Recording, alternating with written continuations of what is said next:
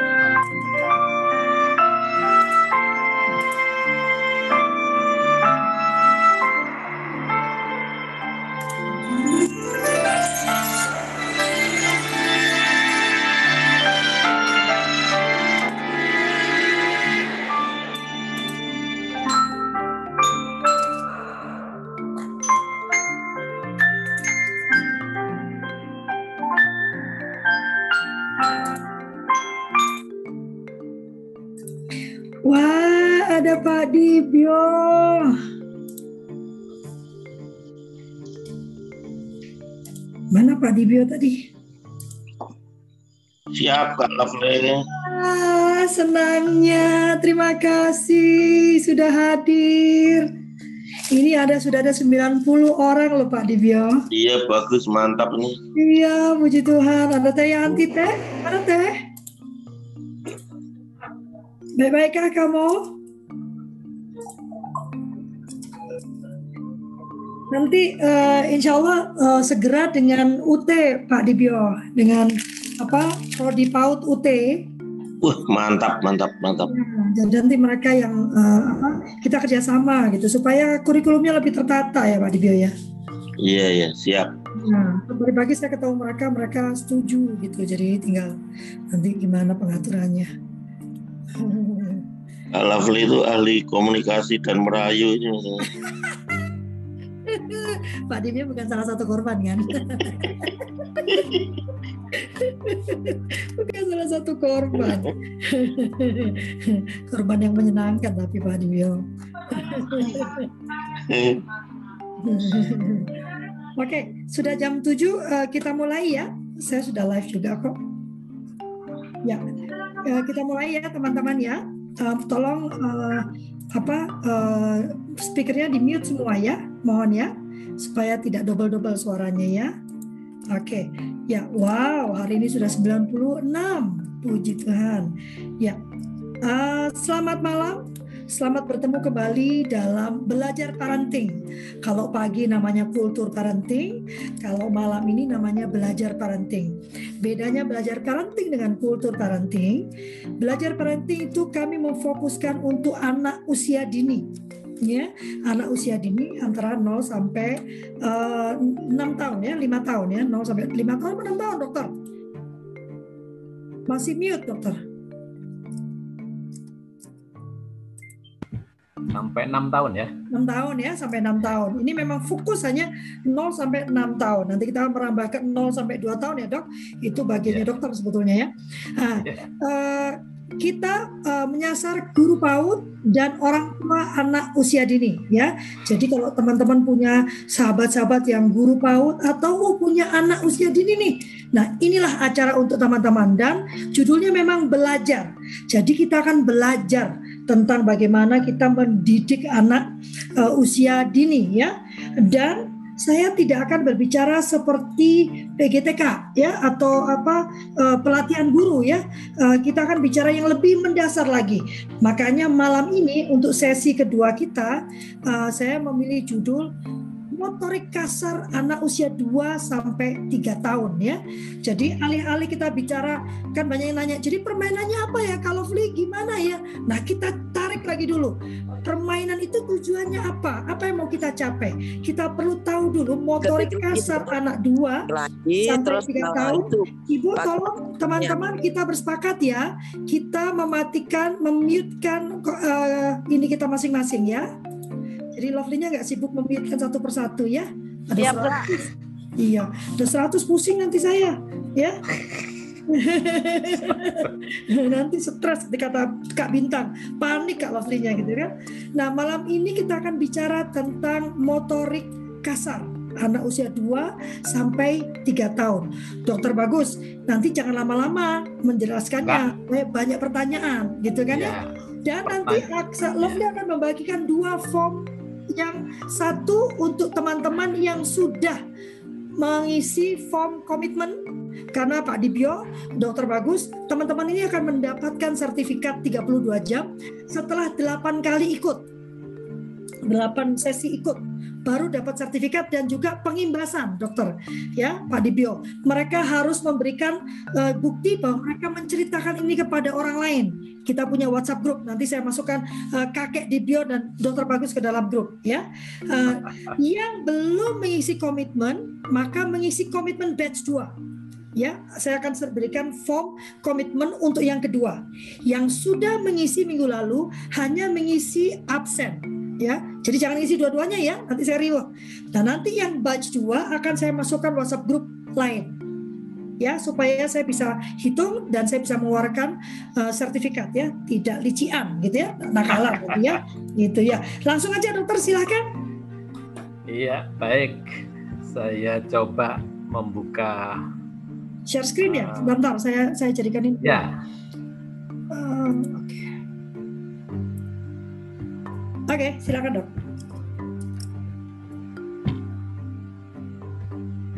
share screen dulu ya.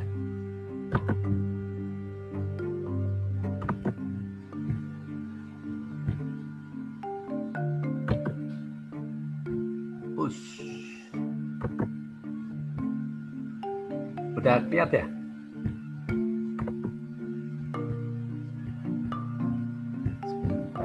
Belum dong. Belum. Ya belum.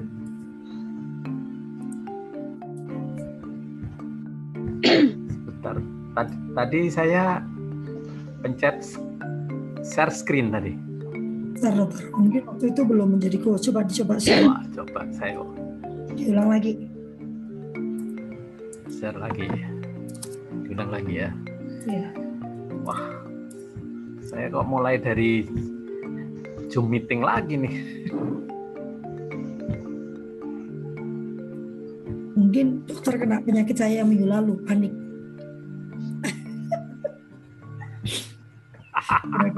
kasetonya belum masuk, jumlahnya sudah hampir 100, saya panik. kasetonya nggak bisa masuk.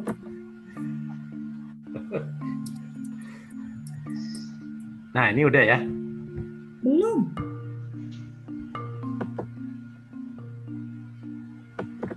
Biasanya gampang loh. Sebentar, sebentar. Iya. Saya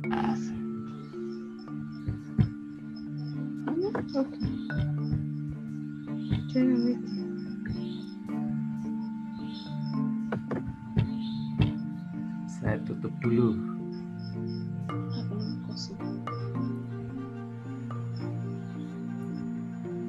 Sebentar lagi. Wah, ini kecanggihan. Udah kelihatan ya? Belum? Belum.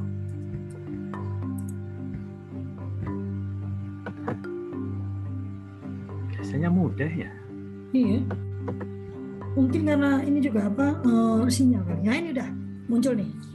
Nah, udah muncul ya.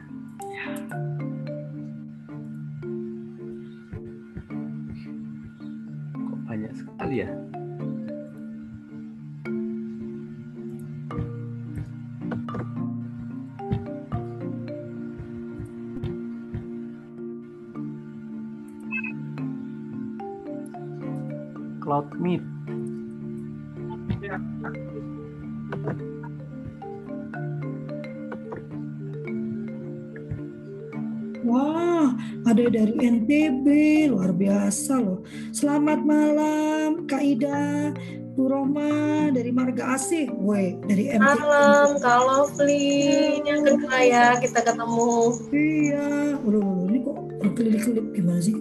Kak Asih dari Purwakarta, waduh, Ibu Herianti, kedinginan Bu. Habis sholat ya.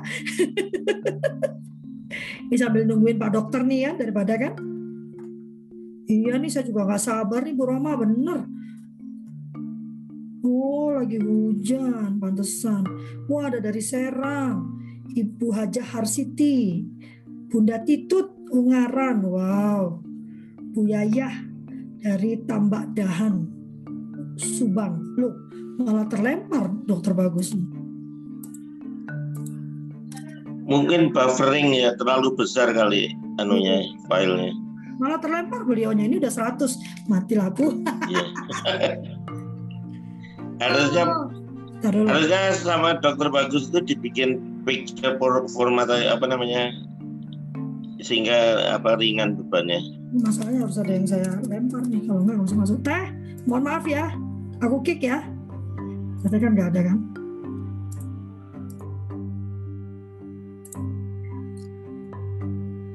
Memberi ruangan bu dokter bagus sih dia kelempar. Masa saya yang membawakan kan lucu ya. Hmm. Aduh nggak bisa bu. Tunggu sebentar ya. Aduh. Ini baru, baru Kak Lovely-nya panik, dokter bagusnya terlempar. Jumlah di kita sudah 99. ini banyak benci sama aku malam ini nih. Kikik. Tenang, Kak. Hah? Tenang. Iya, Tuhan ampuni aku ya, mengkik banyak orang.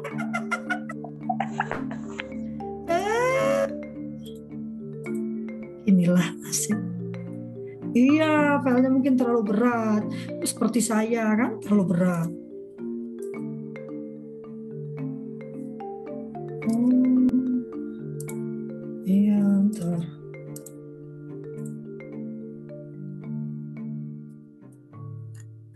Mami Faril, aduh ini pada ngomong tunggu dulu ya. Saya tidak bisa memasukkan dulu, nggak ada nih. Ayo, kita ngobrol dulu deh. Eh, apa yang diketahui tentang motorik kasar? Ayo. Eh, ada yang membaca target motorik kasar anak di kurikulum kita?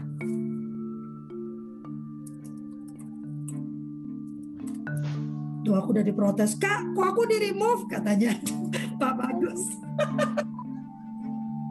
Hari ini saya berdosa. Sebentar ya, saya harus masukkan dokter Bagus dulu. Nanti kita ngobrol di sini dokter Bagusnya nggak ada, yang mau ngomong siapa? Yang mau ngajar siapa? Iya nggak? Kalau nggak Pak Dipio aja kita ngomongin kakek-kakek.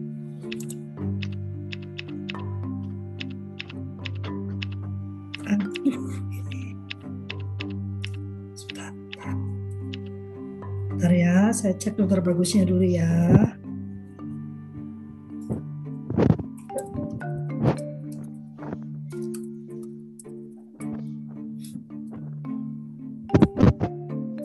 Ampuni saya teman-teman hari ini saya berbuat dosa. Uh, sumpah.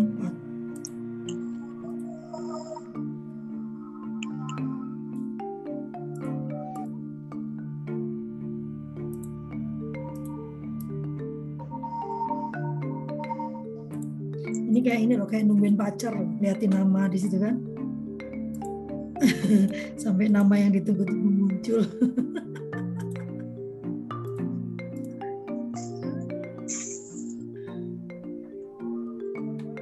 Udah masuk beliau tadi tahu-tahu terlempar lagi ya Tuhan. Udah bahagia hidup saya nih masuk.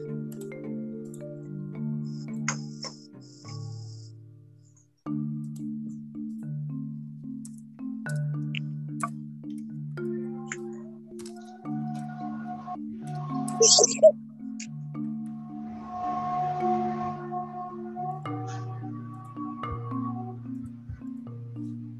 protes nih.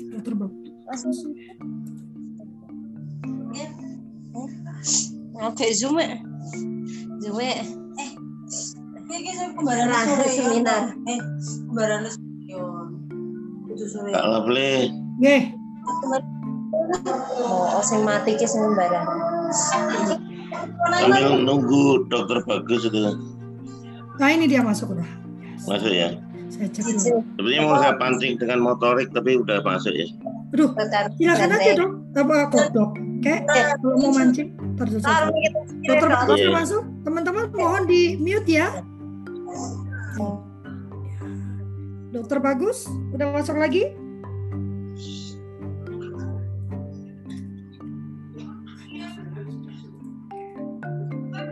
Dokter, Apa yang diketahui Kak Lovely motorik kira-kira? apa yang saya ketahui motorik itu kalau umur 2-3 tahun ini nah Ya, ini dokter udah. muncul Nah, Wah, baru saya mau mancing Kak Supaya- Lovely dulu Terus untuk darurat tadi. ketahuan dah. ya. Untuk Ketahuan. darurat, untuk darurat tak pancing dulu. iya Ya, ya, ya. nanti kalau saya kepancing bahaya Pak Dipio Ya, sudah Nggak pulang-pulang. Eh, kalau share screen nggak apa-apa nih ya. Aldo,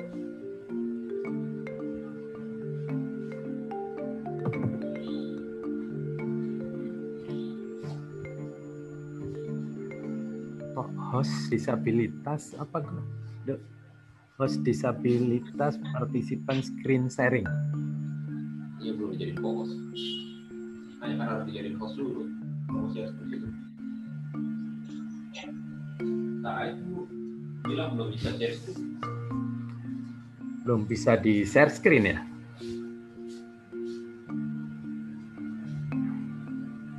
Ini oke aja ya, dok? Hah? Halo.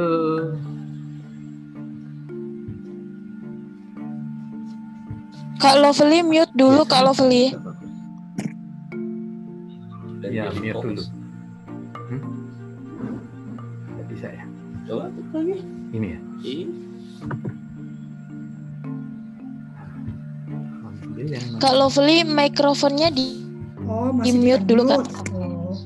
Apa emang itunya PPT-nya? Pak do- dokter boleh dikirim ke saya aja, nanti saya yang share.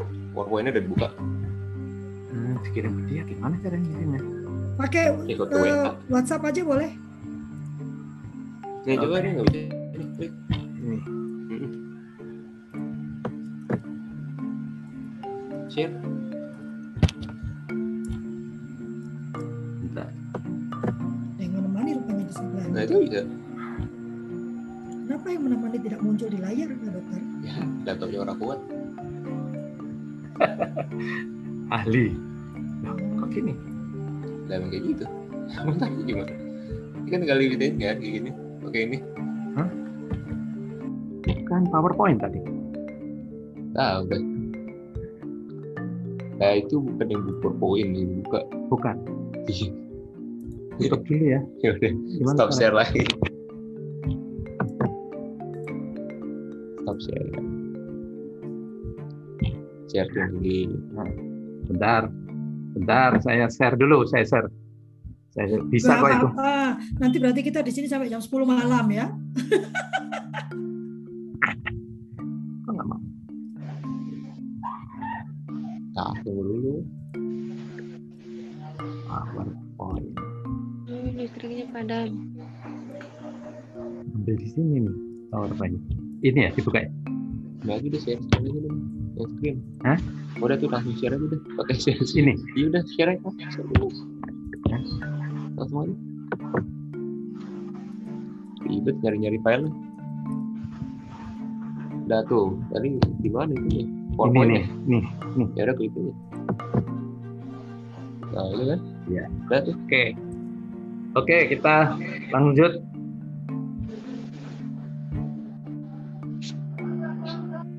Kelihatan? Belum. Belum? Kok belum kelihatan? Si ya. Agak apa? belum Ini. Pak. Belum? G, belum. Oh, belum. Belum masuk Karena ini Bu, ini ya? karena, ini apa sinyal kadang-kadang dokter. Mungkin sinyal di dokter agak lama. Iya. Tapi di sini bilangnya suruh wait. Ya karena sinyalnya yang agak lambat. Sana belum kelihatan. Di sana belum kelihatan. Belum kelihatan ya? Belum. Belum. Ini power. Pak Bagus itu mungkin Iya, bos. terlalu besar Hah? mungkinannya. Filenya besar. Iya. Enggak, enggak, enggak besar nih. Kecil Nah, udah keluar tuh. Udah udah keluar nih. keluar. Sudah keluar. Udah keluar. Ya ampun, tulisan gitu dong ke WA. Silakan dokter. Ya, pasti. puji Tuhan. Oke. Oke. Kita mulai ya. Ya. Udah Ya, kelihatan? Pak. Kelihatan ya. Sudah. Sudah. Berarti. Monggo Pak. Bagus. Oke. Selamat malam teman-teman semua, kakak-kakak semua. Malam Dok. ini ya kita malam ini akan membicarakan mengenai motorik kasar usia 2-3 tahun. Ya. Nanti kita tidak panjang-panjang nanti saya ingin banyak pertanyaan-pertanyaan ya kan dari Bapak Ibu sekalian. Jadi ini usia 2-3 tahun. Sebetulnya ini awal daripada anak-anak itu melakukan keterampilan kognisi ya. Oke. Nah, ini tadi kita mulai. Nah, kita sebelum ke motorik kasar nih. kelihatan ya ini. sebelum kita ke motorik kasar kita harus tahu AC, ASO, asa perkembangan anak. Saya mengibaratkan ini di guru PAUD ya, guru PAUD. Guru PAUD itu tidak bisa anak di apa diidentifikasi umur dan sebagainya. Itu harus ditanya riwayat lahir, berat badan waktu lahir. Kalau bisa lengkap ini di PAUD dan ini nanti bisa menjadi penelitian tindakan kelas waktu di SD, ya kan? Nah, jadi itu yang penting. Karena apa? Karena kelahiran-kelahiran misalnya bermasalah, berat kurang dan sebagainya seperti yang eh, yang lalu saya terangkan itu mempengaruhi betul perkembangan apa yang disebut senso integrasi sensori integrasi. Sensori itu adalah pematangan indera, sedangkan integrasi itu mengintegrasikan reflecting primitif menjadi motorik yang handal. Nah, itu di 0 sampai 2 tahun. Ya kan? Di 0 sampai 2 tahun. Itu dulu. Jadi perkembangannya adalah sensomotorik, praksis, dan representatif. Sehingga anak selesai 2 tahun tuh representatif kita kan butuh anak-anak yang representatif ya.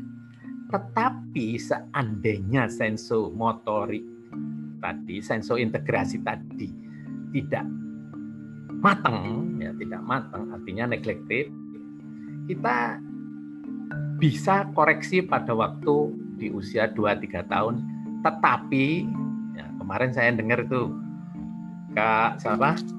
Kak Seto bicara bermain bukan calistung.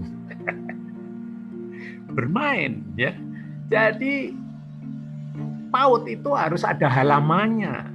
Tidak boleh hanya garasi saja terus dia sekolah di situ. Jadi harus ada halamannya. Yang pertama yang kita inginkan kalau itu terjadi terlantar ya senso integrasi itu karena vestibulernya oleh karena itu ada odor mainan titian, mainan ayunan. Ya kan? Terus kemudian ada tangga, naik turun tangga. Ada prosotan. Itu harus ada. Karena motorik kasar dibentuknya oleh vestibuler. Tidak bisa langsung terus motorik kasar. Ya. Oke. Kita lanjut berikutnya ya jadi motorik kasar itu adalah diawali dari vestibuler. Vestibuler. Anak-anak yang lahirnya normal alami itu vestibulernya bagus-bagus. Tapi kalau anak ada yang tidak alami atau yang alami tapi sungsang, berat badannya kurang. Makanya ini perlu ada data ini ya dan sebagainya. Nanti itu guru-guru PAUD akan dapat pelajaran dari situ oh iya ya anak yang seperti ini akhirnya apa ya anak-anak itu. Tapi terus terang aja pautnya harus bermain. Kalau bisa halamannya ya luas lah ya. Ada gunduk-gundukan naik turun ada titian ada main ayunan ya. Itu yang saya harapkan. Sehingga pada waktu motorik kasarnya berkembang itu akan oke. Okay. apa sebetulnya permainan yang paling bagus ada yang tahu di forum ini? ya kan? Permainan yang paling bagus itu adalah bola. Gampang toh beli bola itu. Bola. Ya. Mulai dari bola yang kecil yang bisa digenggam. Anak 2-3 tahun genggamnya kecil. Coba dek lempar sesuatu atau target itu. Nanti saya dapat hadiah gitu seperti itu lempar. Jadi bola ini sangat luar biasa. Itu baru main di tangan. Nah, kemudian nanti menginjak berikutnya kalau sudah terampil di bola kecil, bola yang agak besar. Lempar-lemparan, ditangkap, lempar, ditangkap, lempar. Kalau itu berhasil di usia 2-3 tahun, itu paling tidak saya sudah menyatakan 80% motorik kasarnya udah oke. Okay. Karena apa? Motorik kasar ini diperlukan nanti adalah untuk daya tangkap. Jadi kalau ada orang ahli terus ngomong apa hubungannya motorik kasar dengan kecerdasan, nah itu saya terus terang aja agak kesel juga nih sama orang itu. Ada itu ahli ahli tumbuh kembang lagi, aduh celaka. Aduh saya yang apa belajar vokasi ini jadi malu ya, ahli tumbuh kembang. Saya sendiri dokter gitu. Kok sampai seperti itu teman-teman? Ya kan? Jangan nanti trauma dan sebagainya. Ya sebetulnya bayi ya, di tingkat bayi itu di tingkat bayi itu tidak ada kata trauma ya tingkat bayi. Jadi bayi itu harus di apa dieksplor supaya dia pandai merangkak, pandai manjat, tangga dan sebagainya. Karena kita butuh motorik kasar ini yang bisa sempurna. Jadi vestibuler nanti akan terlatih itu kalau pada waktu bayi kita ayun-ayun, timang-timang. Saya sarankan kalau bayi jangan pakai baby walker. Baby walker itu menyebabkan anak itu nanti jinjit motor motorik kasarnya terganggu. Bayangin kalau orang jinjit lari nggak bisa ngerem itu, pasti benjol-benjol kepalanya. Itu korban dari baby walker. Jadi anaknya pakai baby walker ya bu, iya bapak. Ini dok kepalanya benjol-benjol kalau lari nggak bisa ngerem. Hmm, ya itu jadi baby walker itu jauhi. Ya. Jadi kembali ke motorik kasar, saya sarankan bermain bola bola. Jangan yang lain-lain dulu, bola. Jadi dia menguasai bola itu bagaimana melempar tepat pada keranjang atau pada sesuatu sasaran ya.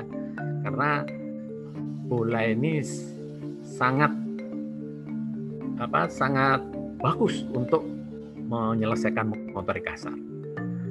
Nah, baru kalau sudah itu baru kita perintahkan kaki kaki kiri, kaki kanan. Ya. Kalau anak-anak itu vestibulernya bagus, bisa dua-duanya tuh. Kaki kiri juga bisa, kaki kanan juga bisa. Ya. Saya harapkan anak-anak kita ini vestibulernya dulu dibetulkan. Ya. Sering kita langsung ya kalau di PAUD tuh langsung ke motorik kasar. Ya kan? Tapi vestibuler tidak diperhatikan. Untuk ngecek vestibuler tuh titian, ayunan, apalagi banyak itu perosotan, itu vestibuler. Ya. Usahakan itu mainnya tangkas di vestibuler. Jadi anak-anak yang mainnya vestibuler biasanya kecerdasannya cepat, daya tangkapnya cepat. Ya. Oke, saya uh, apa bola bola mungkin saya tunjukkan dulu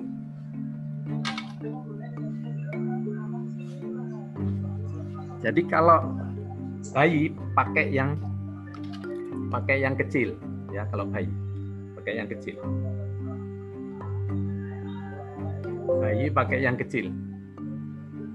Yaitu yang dua tahun tuh pakai yang kecil dulu, mulai dari yang kecil dulu ya, karena dia sudah uh, apa? Sudah mulai kuat memegangnya dan kiri kanan di, kita tes. Oh kalau, Jadi, kalau boleh yang ini diturunkan dulu, jadi kita bisa lihat dokter pegang. Oh ya, oke, okay. ya. oke. Okay. Cara nurunkannya pusing saya. Di stop sharing, stop sharing. Stop sharing ya, oke, okay, stop sharing. Nah, ini kan nanti. Ya, ya. sip. Nih, bola. Ya. Jadi bola kecil nih sampai anak itu bisa megangnya rapat. Ya, cek itu rapat atau tidak. Ya, bola kecil itu dua tahun. Ya, ngelihat bola ini rapat megangnya. Terus kemudian baru lempar, gantian yang kiri, baru lempar. Ya, kalau kiri kanan ini terlalu jauh, mungkin yang kiri nggak bisa, itu sebetulnya ada gangguan vestibuler. Gangguan vestibuler yang belum selesai. Ya. Jadi ini harus seimbang karena kalau tidak seimbang nanti dia akan mengalami kesulitan untuk fokus. Untuk fokus. Belajar itu yang fokus tuh sering anak-anak ini jadi slow learner. Ya, karena fokusnya lama. Kiri kanan nggak sama. Kalau sama kayak permainan prinsip tuh bisa ketemu. Oke.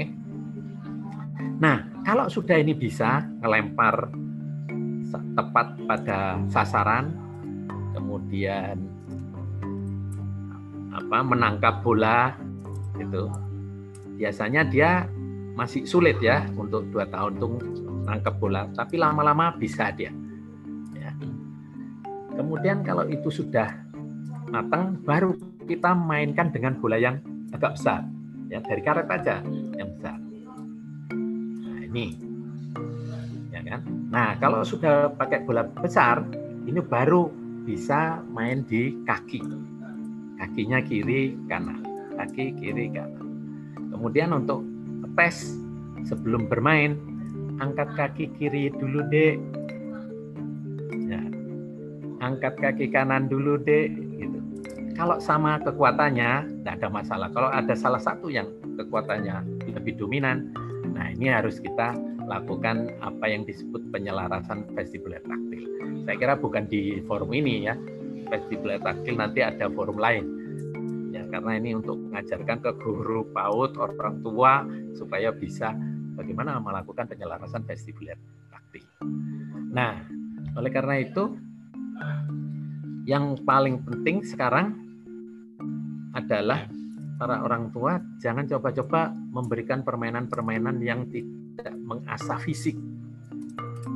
Contohnya dikasih gadget, ya. anak-anak yang belum matang di motorik kasar, vestibuler, itu kalau main gadget itu bisa kecanduan. Tapi kalau dia ini cakep ya, vestibulernya cakep ya, motorik kasarnya cakep. Apalagi nanti sampai ke motorik halus, kemudian daya tangkap daya balas, kemudian bicara bahasa dan selanjutnya sikap perilaku dan kemandirian sosial. Wah, itu anak-anak yang seperti itu kalau main gadget nggak mau lama-lama. Pinginnya ketemu teman-temannya, ingin berkompetisi atau berkolaborasi seperti itu. Nah, oleh karena itu motorik kasar ini penting sebelum ke motorik halus. Jadi ada urutannya ya. Jadi delapan keterampilan kognisi itu pertama adalah keseimbangan, motorik kasar, motorik halus, daya tangkap, daya balas, kemudian bicara bahasa, kemudian sikap perilaku, dan yang terakhir kemandirian sosial. Nah ini ada instrumennya. Ya. Instrumennya sudah saya buat. Kalau dia tidak sampai satu menit itu berarti bagus. Kalau dia butuh waktu tiga menit dari perintah berarti itu ada gangguan. Apalagi butuh enam menit, apalagi sembilan menit sampai tidak bisa sama sekali. Ya, jadi anak-anak di PAUD harus dinilai itu delapan keterampilan kognisi. Bermain, bermain dinilai. Setiap enam bulan sekali dinilai kemajuan-kemajuan. Nah, semakin mantap nanti kalau semakin bisa di apa dieksplor anak-anak itu ya kan nanti dia bisa bercerita lebih lugas lagi bercerita ya. saya kira itu Bu Lovely saya mau mancing pertanyaan-pertanyaan aja yang delapan tadi apa keseimbangan motorik keseimbangan kasar motorik halus.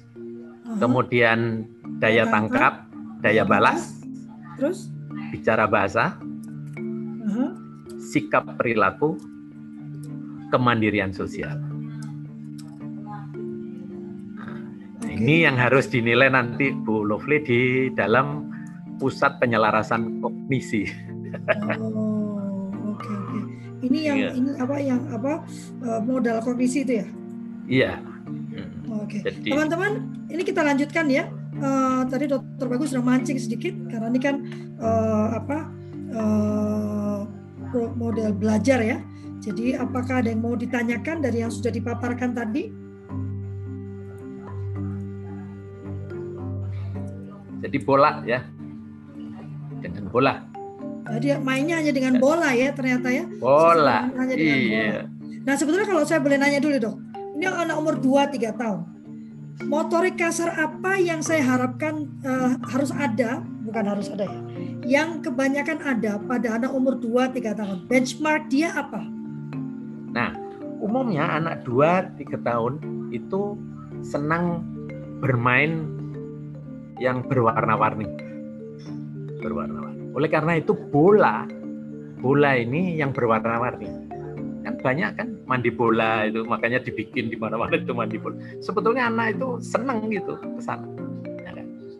Jadi anak itu senang di bola ya sebetulnya karena bola ini dianggapnya apa ya eh, ajaib gitu ya ditaruh gelinding ya kan kalau dia terlalu tinggi atau ada apa permukaan yang tidak datar dia jalan itu menarik buat dia ya kan? anak-anak itu dua tahun tiga tahun pasti dia ambil bola itu. Jadi, dia tidak akan ngambil yang lain-lain. Kalau betul-betul vestibulernya bagus dia akan ngambil yang seneng yang bulat-bulat Ya, oke. Gimana? Ibu Widya Stuti mau bertanya, silakan Ibu. Ibu Widya Stuti, Ya, ya silakan. halo. Ya ya silakan Ibu. silakan bu Assalamualaikum. Selamat malam, dokter. Selamat malam, Kak. Lovely. ya Ya, sin saya apa itu nyimak yang terakhir tadi kata Pak Dokter kan motorik kasar itu lebih lebih didahulukan daripada motorik halus untuk perkembangan si si anak ya. Itu Iya. alasannya bagaimana, Dok? Karena saya guru PAUD jadi baru anu, baru tahu dokter ini tadi. ya Baik. pencerahannya, dokter. Terima kasih. Oke, oke. Pertanyaannya bagus sekali ya. Ini banyak nih memang guru-guru PAUD langsung masuk main motorik halus. Padahal yang harus dimatengkan motorik kasar. Motorik kasar itu tanda bahwa vestibulernya sudah bagus. Jadi kalau anak-anak vestibulernya nggak bagus, mungkin menyeberang jalan dan sebagainya bikin masalah nanti. Jadi di dalam persarapan, nah ini saya terpaksa ngomong persarapan karena pertanyaannya kenapa didahulukan. Di persarapan yang dipentingkan awalnya itu adalah STNF, Symmetric Tonus Neck Reflex. Jadi dia harus tegak, tidak goyang. Kalau sampai goyang berarti ada masalah vestibular. Itu STN, sis, apa? Simetris tonuk, tonus neck reflex. Jadi lehernya ada refleksnya. Bagus. Nah kalau itu tidak bisa goyang-goyang terus, berarti motorik kasarnya nggak bagus, maka otomatis motorik halus jelek nanti. Nanti tulisannya jadi jelek kalau motorik kasarnya belum matang. Anak-anak yang motorik kasarnya bagus, pemain sepak bola dan sebagainya itu suruh nulis, tulisannya bagus. Jangan ngikutin saya ya kayak dokter ini karena buru-buru nulisnya jadi jelek. Sebetulnya bagus juga tulisan saya, tapi kan karena dituntut harus cepat gitu.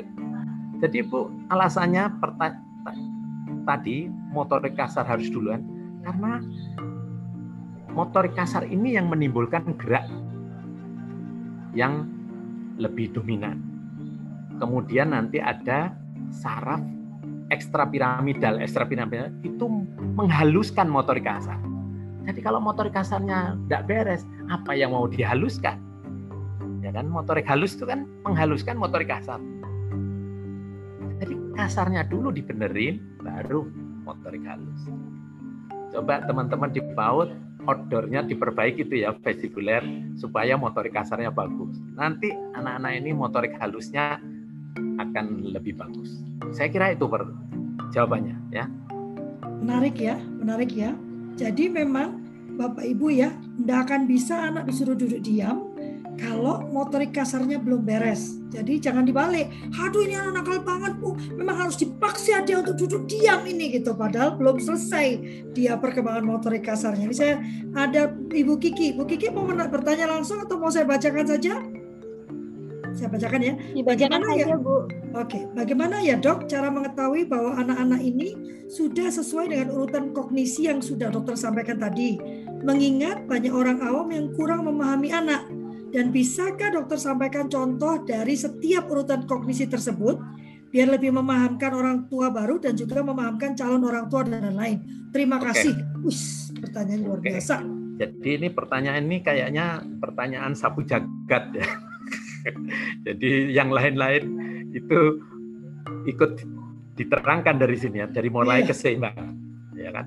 Keseimbangan. Tes keseimbangan tuh angkat kaki satu, yang kiri dulu apa yang kanan dulu. Tangan direntangkan, ya kan? Untuk keseimbangan. Kemudian kalau dia bisa lama, agak lama gitu ya, satu menit misalnya, suruh tutup mata. Kanan. Kemudian baru yang kiri. Kemudian suruh tutup mata. Ya kan? Berapa lama? Nah, kalau perbedaannya terlalu jauh, itu lebih baik dilatih dulu itu. Sampai perbedaannya tidak terlalu jauh. Itu keseimbangan ya. Oke, sekarang motorik kasar. Motorik kasar tadi itu bola.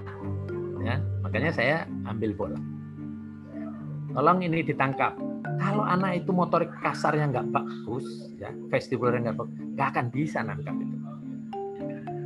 Dari mulai bola yang kecil, terus bola yang besar, baru kemudian di bola yang besar ini dipakai di kakinya. Jadi tangan dan kaki halus sudah matang. Ya. Nah, kemudian tadi bertanya lagi, sebetulnya belum waktunya ya motorik motorik halus. Nah, apa-apa deh, saya kasih. Motorik halus gampang, Bu. Banyak. Kalau perempuan tuh meronce. Ya, kalau meronce aja nggak bisa, wah sudah. Kalau misalnya ini umur 2 tahun, jangan lubangnya yang sempit, yang agak longgar, ya kan? Yang longgar-longgar. Nah, meronce. Sampai dia istilahnya katam ya, meronce itu. Wah. Itu itu contohnya. Yang kemudian ngomong daya tangkap. Kalau daya tangkap kita perintah ini warnanya apa? Warna kita mainnya. Ya. Terus kemudian baru setelah ditanya warna-warna semua bisa empat paling tidak ya warna dasar itu tahu. Kemudian kita tanya daya balasnya. Yang kamu senang dari empat warna itu warna apa? Nah, kan? Itu daya balas. Ya. Sederhana kan? Mau yang komplek, nanti setelah 3-4 tahun lebih komplek lagi, wah daya balasnya lebih bagus lagi. Jadi yang sederhana ini sangat berpengaruh pada anak. Ya. Nah, kemudian bicara bahasa. Nah, kalau bicara bahasa kita harus tahu kalau anak itu ada gangguan vestibuler, motorik kasar terganggu, motorik halus terus tangkap daya balas, itu pasti nanti akan terjadi apa yang disebut disleksia. Jadi dia tidak bisa memahami apa yang harus diucapkan. Sehingga dia selalu gamang, ragu. Ya kan? Misalnya mau mengatakan ini bulat. Dia ragu. Ya kan? Padahal gampang kan lihatnya karena dia tidak bisa memegang, tidak bisa menendang, jadi di motor kasar tidak bisa memainkan. Sehingga ketika kita tanya dia slow learner dulu lama gitu. Kadang-kadang apa ya? Dia balik bertanya gitu ya. Nah itu disleksia. Nah kemudian ke berikutnya sikap dan perilaku ini harus kalau semua sudah matang dari awal sampai ke terapi wicaranya matang sikap dan perilaku kita bisa ya kita bisa atur ya sikapnya itu. Misalnya ini dari warna ya. Ini yang kuning kan, kita warna ini warnanya hijau ya. Hmm. Nanti dia akan ngomong, "Wah, salah Bapak." gitu kan. Itu bukan hijau, itu bukan kuning. Itu bukan hijau, itu kuning ya gitu. Kekeh itu bersikap itu dia. kemudian berperilaku. Jadi kalau berperilaku itu biasanya ada urusannya dengan mem- membalas. Ya, membalas. Lain kali jangan ngajarin salah, itu langsung itu anak itu, ya kan? Itu ya, berperilaku. Ya kan lain kali jangan itu. Terus kita betulkan yang sopan ya, kalau kepada orang tua dan sebagainya. Itu mulai itu di situ. Kalau kepada orang tua, orang tua salah, jangan begitu ngomongnya maaf ya itu bukan ini.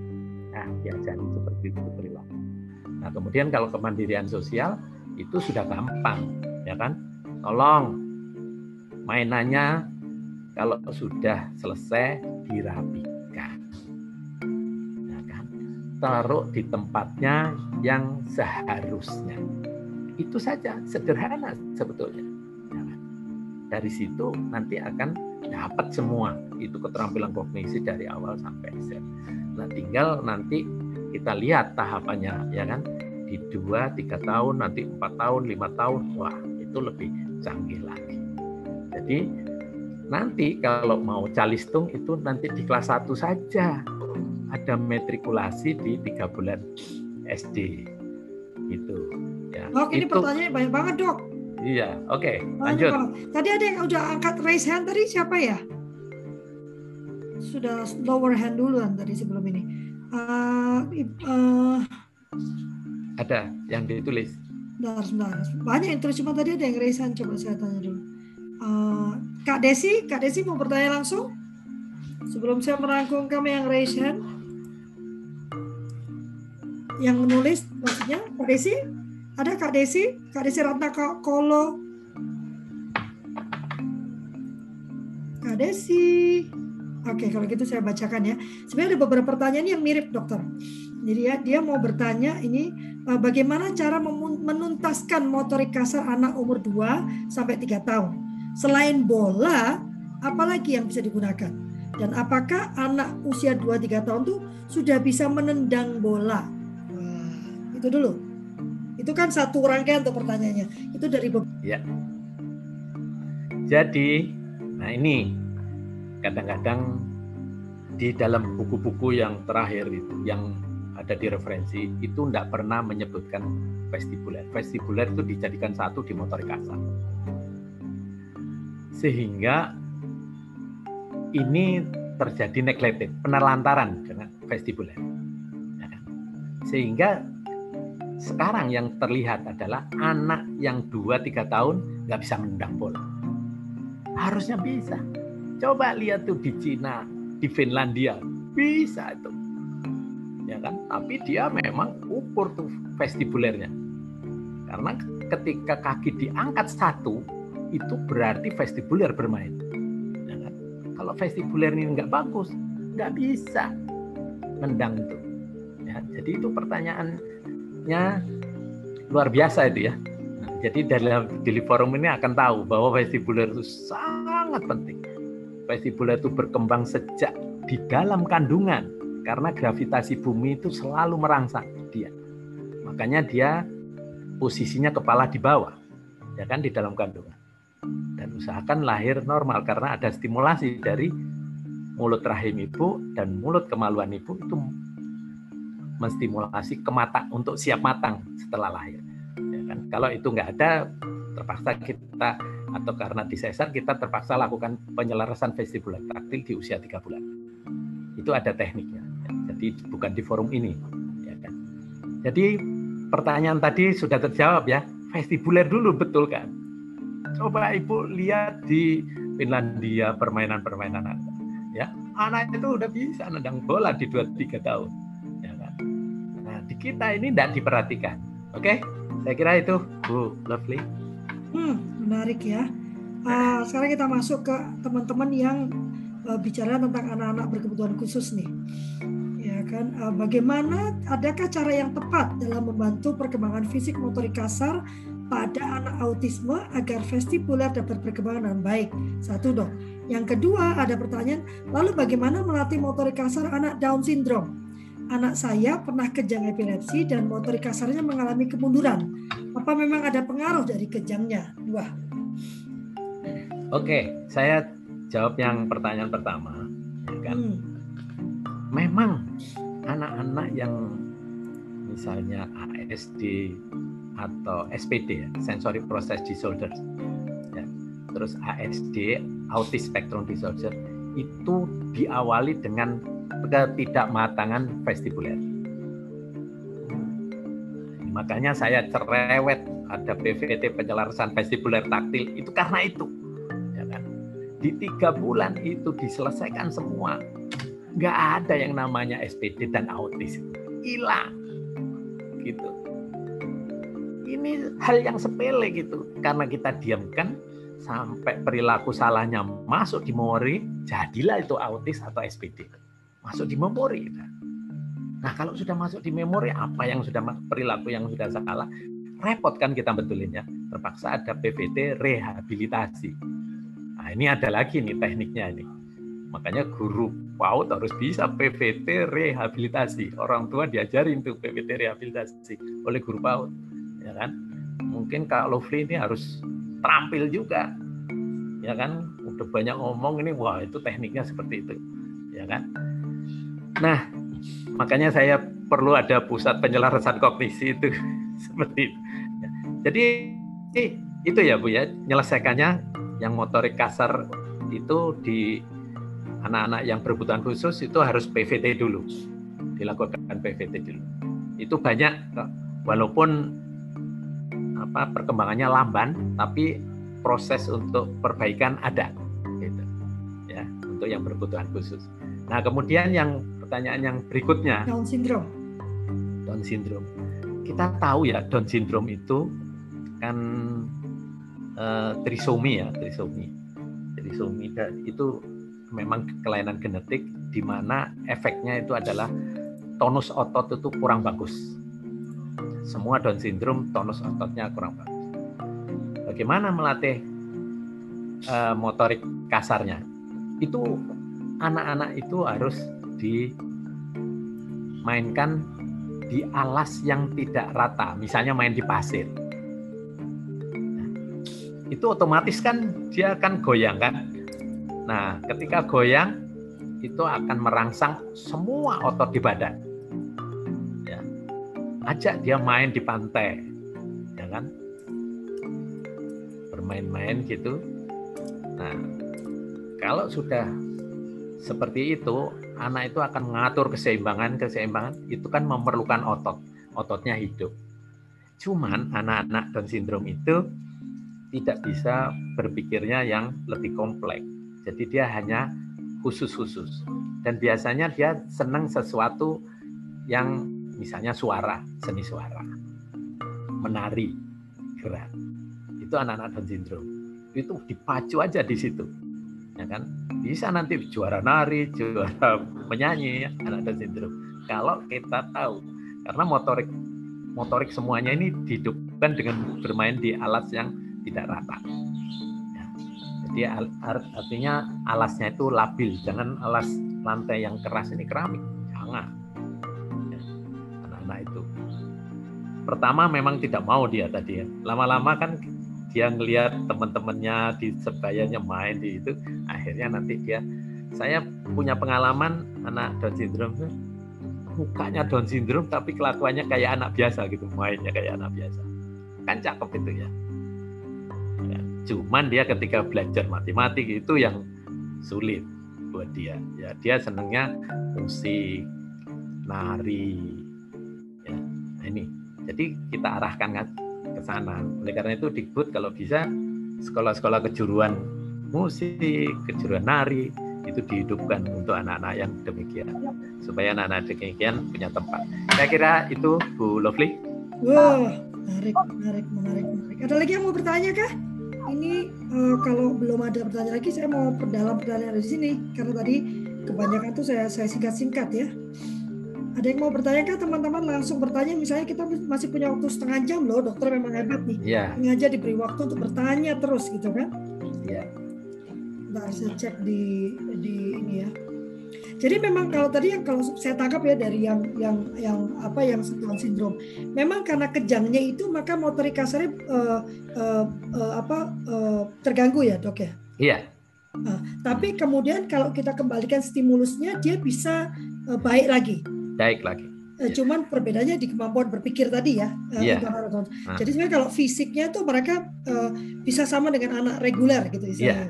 iya bisa. Oh, jadi Bapak eh, Pak Abi- tertangkap ya Pak ya Pak Arif ya ini, ini ada di YouTube soalnya yang bertanya itu. Jadi Bapak jangan khawatir di- diulang lagi apa eh, tahapan motorik kasarnya gitu kan. Karena itu tadi memang setback akibat kejangnya gitu kan. Iya. Eh, eh, ada lagi kah yang mau bertanya? Nah, saya sendiri masih pengen nanya dok. Memang benar Ya ya? boleh.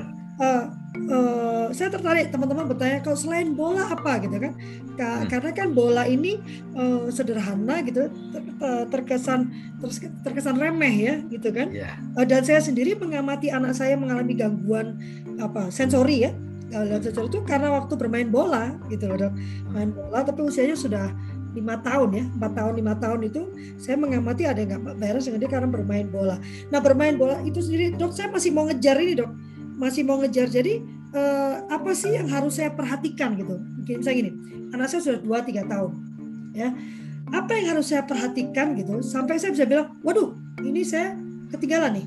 Waduh ini eh, saya harus melakukan ini nih. Jadi apa? Saya masih kejar benchmark dok apa yang, Hmm. yang harus saya harapkan ada di anak saya pada saat dia umur 2 tahun 2 tahun dulu Di usia 2 tahun paling tidak anak-anak itu bisa lari ya. Lari mulus maksud saya. Ya kan? Bisa ngerem, ya kan? Kalau di depan ada tembok ngerem, ya kan? Ada yang nggak bisa ini benjol-benjol semua, ya kan? Ya, itu harus diperhatikan dulu. Nah, anak-anak yang sedemikian ini untuk main bola udah nggak mau, gitu loh. Makanya kita sensitifnya kita bola. Umumnya anak itu seneng dengan bola, gitu. Kalau sudah nggak seneng, nah ini kita harus hati-hati. Ada apa ini? Ya, sederhana sebetulnya. Nah, kemudian kita ajak, apalagi kita mau ajak main flying fox, pasti cemas dia, ya kan? Karena bola itu melihat bulatnya aja dia membuat pusing, karena bulat itu akan menggelinding ke sana kemari kemari, ya tidak stabil. Jadi anak-anak yang ada gangguan itu biasanya ke arah yang dinamis itu takut. Ke arah dinamis takut. Jadi Bu Lovely kalau mau main yang lain-lain boleh. Tapi yang di awal itu pasti bola boleh misalnya apa ada gundukan yang tinggi dia suruh jalan naik turun. Nah, kalau dia nggak suka wah ada masalah.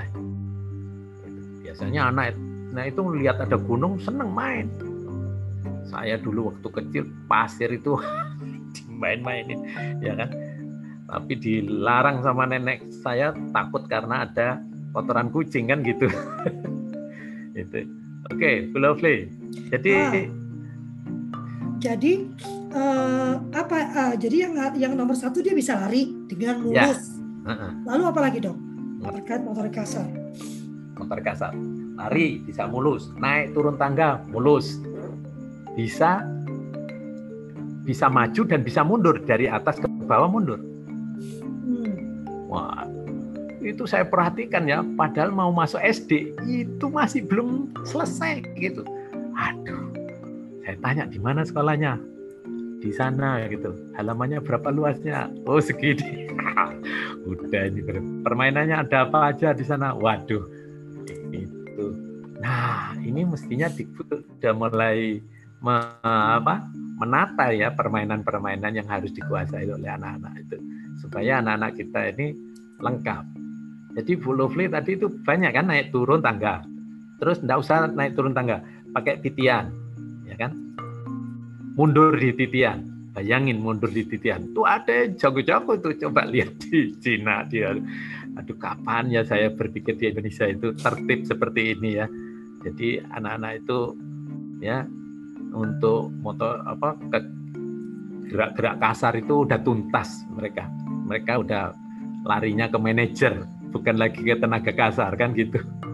Kita aja untuk te- untuk tenaga kasar harus impor dari luar kan. Banyak kecelakaan kita ya. Oke. Banyak itu. Tadi udah naik turun tangga ya kan. Gunung-gunungan itu ya kan. Ya. Jadi itu penting tuh Jadi, jadi memang sebetulnya uh, uh, kita itu bisa memanfaatkan lingkungan sekitar kita sebetulnya. iya Kalau saya itu saya ngecek anak saya tuh jalan di ini ya trotoar kan itu kan sebetulnya ada gundukannya tuh. iya Itu anak kan yang rata iya kan atau rata anak yang sensorinya enggak, enggak imbang seperti anak saya Iya, itu iya. si susah banget ya jatuh-jatuh melulu itu. iya Termasuk saya ya. Saya juga sering jatuh tuh kalau kayak gitu tuh. Eh, Jadi kalau saya tuh sering lutut saya tuh banyak luka dok karena saya kalau Hmm. jalanan tidak rata saya pasti jatuh karena nggak imbang ya Iya, lukanya. Ini ada nih. Eh, Selamat Pak Wismoyo ya. Selamat malam Pak Dokter dan Kak Lovely. Kebetulan saya guru musik di PAUD. Wow. Saya mau tanya untuk anak berkebutuhan khusus bagaimana pola pengarahan bila mendapatkan anak yang berkebutuhan khusus karena diajak nyanyi pun lari gitu. Ya nyanyinya sambil lari Pak. Gimana dok? Silakan. Oke. Oke, ya. Anak-anak berkebutuhan khusus tinggal tergantung apa yang menurut sensorinya yang paling peka. Jadi kalau tidak peka terhadap apa pendengarannya, tidak peka, itu berarti kalau bisa arahnya jangan ke musik. Jadi ini perlu tes ya, anak berkebutuhan khusus dites. Pekanya ada di mana?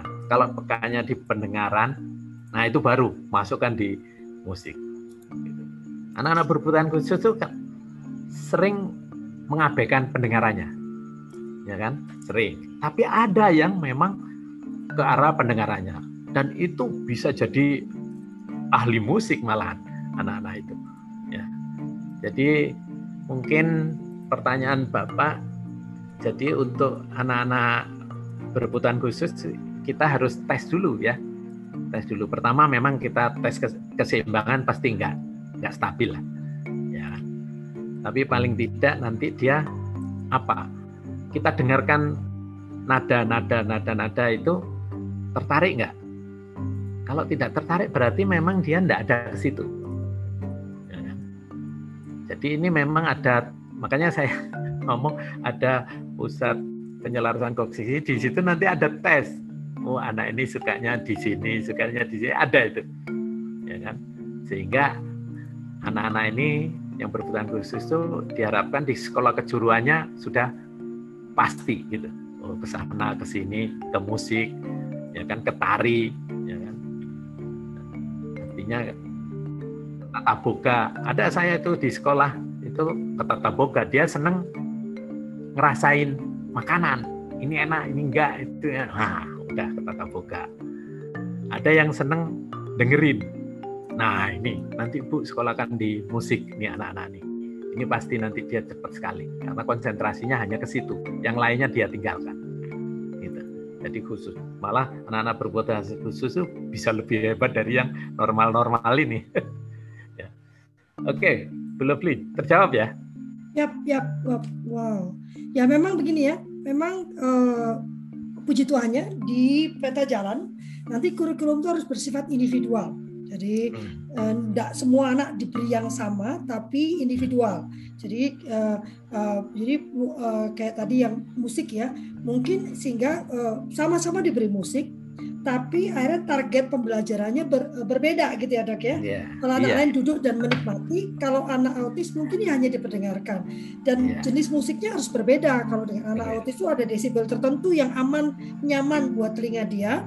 Ada desibel tertentu yang malah membuat dia makin panik gitu ya. Dan itu yang Iya. yang perlu nanti mungkin kita, kita akan bicara di waktu khusus tuh. Eh, Desibel mana yang bisa menenangkan, desibel mana yang yang membuat anak makin huh gitu kan. Iya. Eh, ya kan?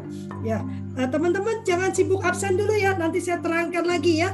Ini jadi nanyanya absen melulu ini kan, Eh, malah nggak ada nanya jawabannya ini kan. Ya, jadi tadi dipahami ya Bapak ya, iya Pak Wismoyo ya. Memang yang perlu diperlukan nanti Kak Pak Wismoyo itu eh, memahami dulu eh, tujuan tujuannya sama-sama diberi eh, apa diberi diberi apa eh, stimulun stimulus Hmm. musik Hmm, tapi targetnya berbeda gitu kan. Nah ini ada Ibu Chandra Dewi. Izin bertanya, dengan kondisi belajar secara PJJ atau online, bagaimana guru PAUD melatih dan menilai anak didiknya untuk dapat berlari, naik turun tangga, maju mundur? Ah, silakan dong. Luar biasa ini pertanyaan. Jadi ini ada hubungan antara orang tua dan murid yang baik. Kalau ini nggak ada, sulit. Ya kan? Makanya orang tua orang tua itu lihat anaknya yang di PAUD di TK, wah pusingnya luar biasa nih sekarang, ya kan. Oleh karena itu nanti ke depan ya barangkali ya ke depan ini harus ada kalau masukkan ke TK orang tua juga harus paham. Makanya saya sarankan punya catatan keterampilan kognisi yang bisa diteruskan kepada orang tua di rumah. Ini ya setiap enam bulan kita nilai di dalam PAUD itu sampai nanti harus tuntas. Orang tuanya jadi ngerti. Oh anak saya di motorik halusnya. Oh anak saya di festival. Kalau di festival harus dari awal udah ngotot orang tua menyelesaikan. Ayo dek, ayo dek, ayo dek, kamu bisa, mesti bisa gitu. Saya perhatikan orang tua yang mengerti begitu, waduh, diberikan bola yang besar itu, terus anaknya suruh duduk di atas, digoyang-goyang. Enak nggak dek ini? Aduh pusing. Nah, nanti lama-lama enak. Kalau adik sudah bisa bilang enak, berarti adik bisa naik turun tangga dengan tidak perlu pegangan dan mundur. Gitu. Itu banyak itu. Jadi tadi pertanyaannya kalau bagaimana dengan daring ya. Jadi daring itu kan dia harus dapat kinestetiknya dapat, visualnya dapat, ya kan, auditoriknya dapat. Jadi tiga-tiganya itu harus dimainkan. Tentu saja kalau dalam daring harus didampingi orang tua. Orang tua terus di saat syarat nih kalau daringnya orang tua harus ada didampingin apa di samping anaknya. Melakukan perintah yang sama. Dan ini harus serius ya. Oleh karena itu dengan adanya parenting seperti ini jadi orang tua ngerti ya. Jadi tidak marah-marahin anak kenapa seluler anaknya dan sebagainya kan gitu. Saya udah ribuan anak yang datang ke sini konsultasi seperti itu akhirnya ibunya mengerti. Dan kalau misalnya itu di sekolah inklusi orang tuanya dua-duanya kerja saya bilang sama saya katakan apa? Bu ibu atau bapak yang berhenti kerja? Nggak bisa ini. Nanti ibu nyala-nyalain saya. Ya kan? Karena ini harus ada yang meneruskan dari saya ke rumah. Di rumah lebih banyak waktunya. Gitu. jadi tetap peran orang tua harus ada. Jadi kesimpulannya tadi dari pertanyaan itu kalau daring ya harus ada orang tua. Anak itu nggak bisa ngelihat yang apalagi yang berputar khusus nggak bisa diam itu, ya kan? Oke, saya kira jawabannya itu Bu Lovely. Ya, saya senang sekali jawabannya tadi karena saya, saya langsung tersenyum karena ya ya memang kalau dalam BDR eh, tidak bisa enggak harus melibatkan orang tua. Nanti pasti pertanyaan, nah orang tuanya nggak mau kalau lovely gitu kan. Nah itu memang muter aja di situ. Tapi dengan BDR, walaupun tidak dengan BDR, itulah kenapa acara malam ini eh, yang kita sasar bukan hanya guru, tapi juga orang tua uh, untuk anak usia dini gitu. Karena orang tua juga perlu tahu usia 2 3 tahun tuh motorik kasar apa yang diharapkan ada pada anak gitu kan. Uh, sehingga yeah. kita juga bisa membantu anak itu. Karena kalau di sekolah tiga jam dia dilatih motorik kasarnya nggak cukup. Ya. Iya. Yeah. nggak cukup ya kan lewat permainannya itu dia terus dilatih. Nah ini. Uh, oh waduh ini ternyata Maaf dok, kalau anak sudah umur 3 tahun tapi masih belum bisa bicara. Sebenarnya anak ini sudah paham kalau disuruh itu itu. Konsentrasi belum, tinggal laku gak bisa diam. Apakah solusinya buat anak ini? Oke, waduh ini harus dites satu persatu nih anak. ya kan? Rata-rata seperti ini, ya kan? Awalnya itu sepertinya bisa ya di satu tahun ada papa mama. Akhirnya di dua tiga tahun hilang itu. Itu tanda bahwa sensori integrasinya belum selesai. Jadi ini harus dites nih berapa keterampilan kognisinya tadi dengan cara sederhana. Tes satu nanti akan tahu.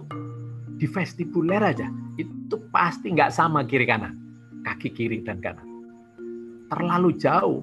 Karena terlalu jauh dia nggak bisa itu gagal bukan gagal ya gangguan mengelola indera. Bayangin gangguan mengelola indera. Karena terlalu jauh beda kiri dan kanan. Gangguan mengelola indera. Makanya ada teknik-teknik brain gym segala macam itu sebetulnya mau apa menyeimbangkan kiri kanan. Tapi yang paling penting harus dilakukan penyelarasan vestibuler taktil dulu baru di brain gym itu akan cepat jadi kembali ke Bapak tadi yang bertanya, apa yang harus dilakukan? Ya diobservasi ini. Harus diobservasi nggak bisa main-main. Jangan sampai terlambat. Karena ini kan masuk masih usia mas ya. Kita kejar. Banyak ini anak-anak yang kita kejar seperti ini. Kita kejar agar selesai. Harus dites nih satu persatu delapan keterampilan. Mungkin itu di vestibuler aja udah bermasalah itu. Oke okay, play uh, ini ada lagi pertanyaan nih. Uh, uh, mungkinkah kami mendapatkan kriteria pengetesannya? Katanya. Terus Kak Desi ini Kak Desi tadi sebenarnya saya sudah ngasih kesempatan Kak Desi untuk berbicara cuman saya panggil-panggil kakaknya nggak nggak nyaut ya. Kak Desi bertanya bagaimana prinsip perkembangan kemampuan fisik motorik anak usia dini? Mungkin anak usia 2-3 tahun dulu aja lah dok. Itu aja yeah. dulu dua. Masih banyak nih pertanyaan ini jadi wow. kalau prinsipnya, kalau bertanya prinsip, hmm. itu kembali lagi selesaikan vestibuler dulu. Ya, vestibuler dulu. Banyak teman-teman itu di fisioterapi tidak memperhatikan vestibuler, dikerjain motorik kasar, motorik halus, targetnya bisa 8 bulan belum selesai. Ya kan? Nanti akhirnya jawabnya tergantung dan sebagainya. Sebetulnya saya kasat mata udah ngeliat anak itu jalan dari pintu ke ruangan saya misalnya. Wah, ini anak gangguan vestibuler. Kita betulkan dulu vestibuler. Baru bisa diselesaikan yang lain. Jadi kalau bertanya prinsip, selesaikan dulu vestibuler, baru berbicara motorik kasar. Karena motorik kasar ini butuh vestibuler yang baik. Kalau vestibuler yang baik, untuk berdiri aja dia tidak bisa, kalau orang Jawa bilang jejek ya, apa bisa tegak betul? Tapi kalau anak-anak yang gangguan vestibular gerak terus nggak bisa diam ya kan? karena selalu menyeimbangkan diri dengan gravitasi bumi. Dia akan gerak terus ke mana gerak? Dan kalau ada di kelas misalnya itu SD dia sebesar tunjuk tangan mau ke mana? Mau ke toilet. Padahal nggak ke toilet keliling kelas-kelas tuh lihat sana sini karena lebih nyaman anak gangguan vestibuler itu untuk bergerak. Ya. dan ini yang akan mengganggu daya tangkap daya balas. Ya kan? Terjadilah gangguan mengelola indera yang akhirnya nanti bisa gangguan dalam fokus. Kalau itu otis itu gagal mengelola indera dan gagal fokus. Itu otis makanya kalau ada anak-anak disebut otis tapi masih bisa begini begitu saya ragu yang mendiagnosa autis itu. Ya kan sebetulnya bukan autis itu SPD ya SPD kalau autis itu sama sekali enggak dan itu jarang ya kan? Ini sekarang ini terlalu mudah mengejat seorang anak itu autis. Makanya perlu ada pusat penyelarasan kognisi. Jangan ada pusat autis center lagi. Seolah-olah kita banyak yang autis. Enggak itu susah itu mendiagnosa. Itu harus total ya vestibulernya itu sakulus dan utrikulus terganggu dua-duanya baru otis. Oke? Terjawab ya? Masih banyak ini ilmunya nih. Iya, menarik ini. Ya kan bisa-bisa di, di apa di prasabis dokter malam ini. Hmm. Saya bacakan yang di ini dulu ya, saya ganti bacakan karena di dalam ini banyak sekali juga pertanyaannya. Ya kan? Uh, kalau Bu Chandra Dewi, instrumen item saja disiapkan oleh guru itu tadi ada delapan hmm, keterampilan kognitif yang tadi ke dokter sudah sebutkan ya. Nanti saya akan uh, copy paste di chat ya. Hmm. Nah, tentang bagaimana anak ABK, bagaimana memberikan tes motorik kasar. Apabila anak ABK ini konsentrasi aja nggak bisa dok gitu. sebetulnya uh. tadi udah saya jawab itu sebetulnya ya. Hmm. Jadi saya jawab yang ini, ini sebetulnya jawabannya yang tadi saya sebutkan juga ya kan. Jadi konsentrasi ada susah Makanya saya sering ada keluhan-keluhan ini yang datang, saya cek pasti vestibulernya jelek. Vestibuler. Ja- Jangan dianggap remeh vestibuler ini. Hmm. Ya. Umumnya orang tua menganggap remeh. Dikasih baby walker, dikasih gadget supaya diem. Aduh ya. Memang tenang dia. Kalau anak gangguan vestibuler itu dengan gadget, ambil gadgetnya nanti bisa marah dia. Itu yang disebut akhirnya dinyatakan kecanduan dan sebagainya. Ya. Sebetulnya awalnya dari gangguan vestibuler. Jadi untuk vestibuler itu matang, ibu itu disuruh mules minimal 8 jam untuk melahirkan dia, untuk menyelesaikan vestibuler. Bagaimana dengan yang disesar? Nah kan gitu nanti akhirnya pertanyaan. Kita setelah tiga bulan kita lakukan penyelarasan vestibuler tadi. Makanya vestibuler ini yang mengatur nanti bisa konsentrasi dan sebagainya itu dari vestibuler. Bayangin kalau kita berdiri aja nggak bisa seimbang gerak terus kapan mau konsentrasinya? Ya kan? Bergerak terus ke sana naik turun tangga, ya kan? Karena memang dia nyaman vestibulernya belum tuntas, belum selesai. Kalau sudah tuntas dia akan du- tunduk apa duduk tumak nina di kursi dan bisa konsentrasi. Oke? Oh, intinya itu benerin vestibulernya. Dah, Iya. ya. Eh, nanti bagaimana mungkin nanti akan ada ada sesi untuk bicara tentang bagaimana betulin vestibuler ini kan? Iya. Ya kan? Nah ini juga ada beberapa nih. Ada satu anak ini dok, saya punya anak dua setengah tahun sampai tiga tahun. Kalau ditanya itu nggak mau jawab. Sebetulnya dia itu bisa bicara, diajak sesuatu juga mau dan bisa nangkap. Hanya ketika diajak komunikasi, kenapa ya nggak pernah mau jawab? Ini nyambung dengan pertanyaan satunya dok. Dia tanya bagaimana cara menstimulasi anak yang speech delay, bukan speed delay, bu, speech delay ya. Hmm. Delay, Silakan, speed Dok. delay. Oke. Jadi kita tahu ya, terpaksa ini saya cerita nih ya. Vestibuler itu ketika matang, dia memerintahkan otak kecil.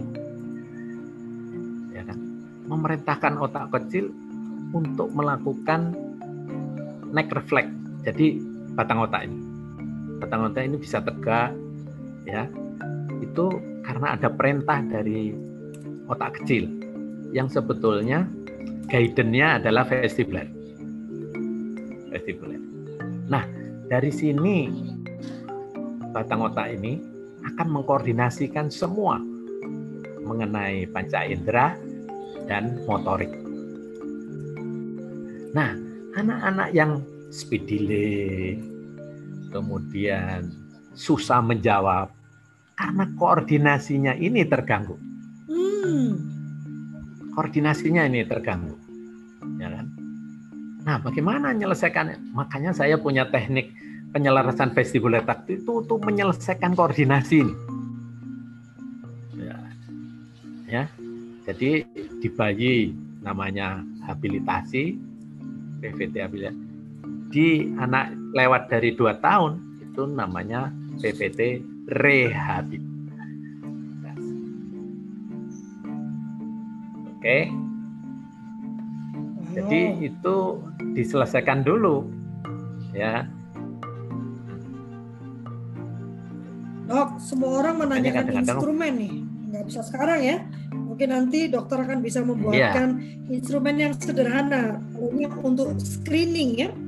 Untuk screening Iya. sebelum maju ke yang yang yang apa yang yang lebih lebih apa eh, apa eh, apa kewenangannya hanya sampai ke eh, mendeteksi jadi terdeteksi nah nanti Iya. yang menegakkan diagnosa itu hanya boleh psikolog atau dokter ya jadi kita tidak boleh mendeteksi, eh kita tidak boleh menjatuhkan diagnosa.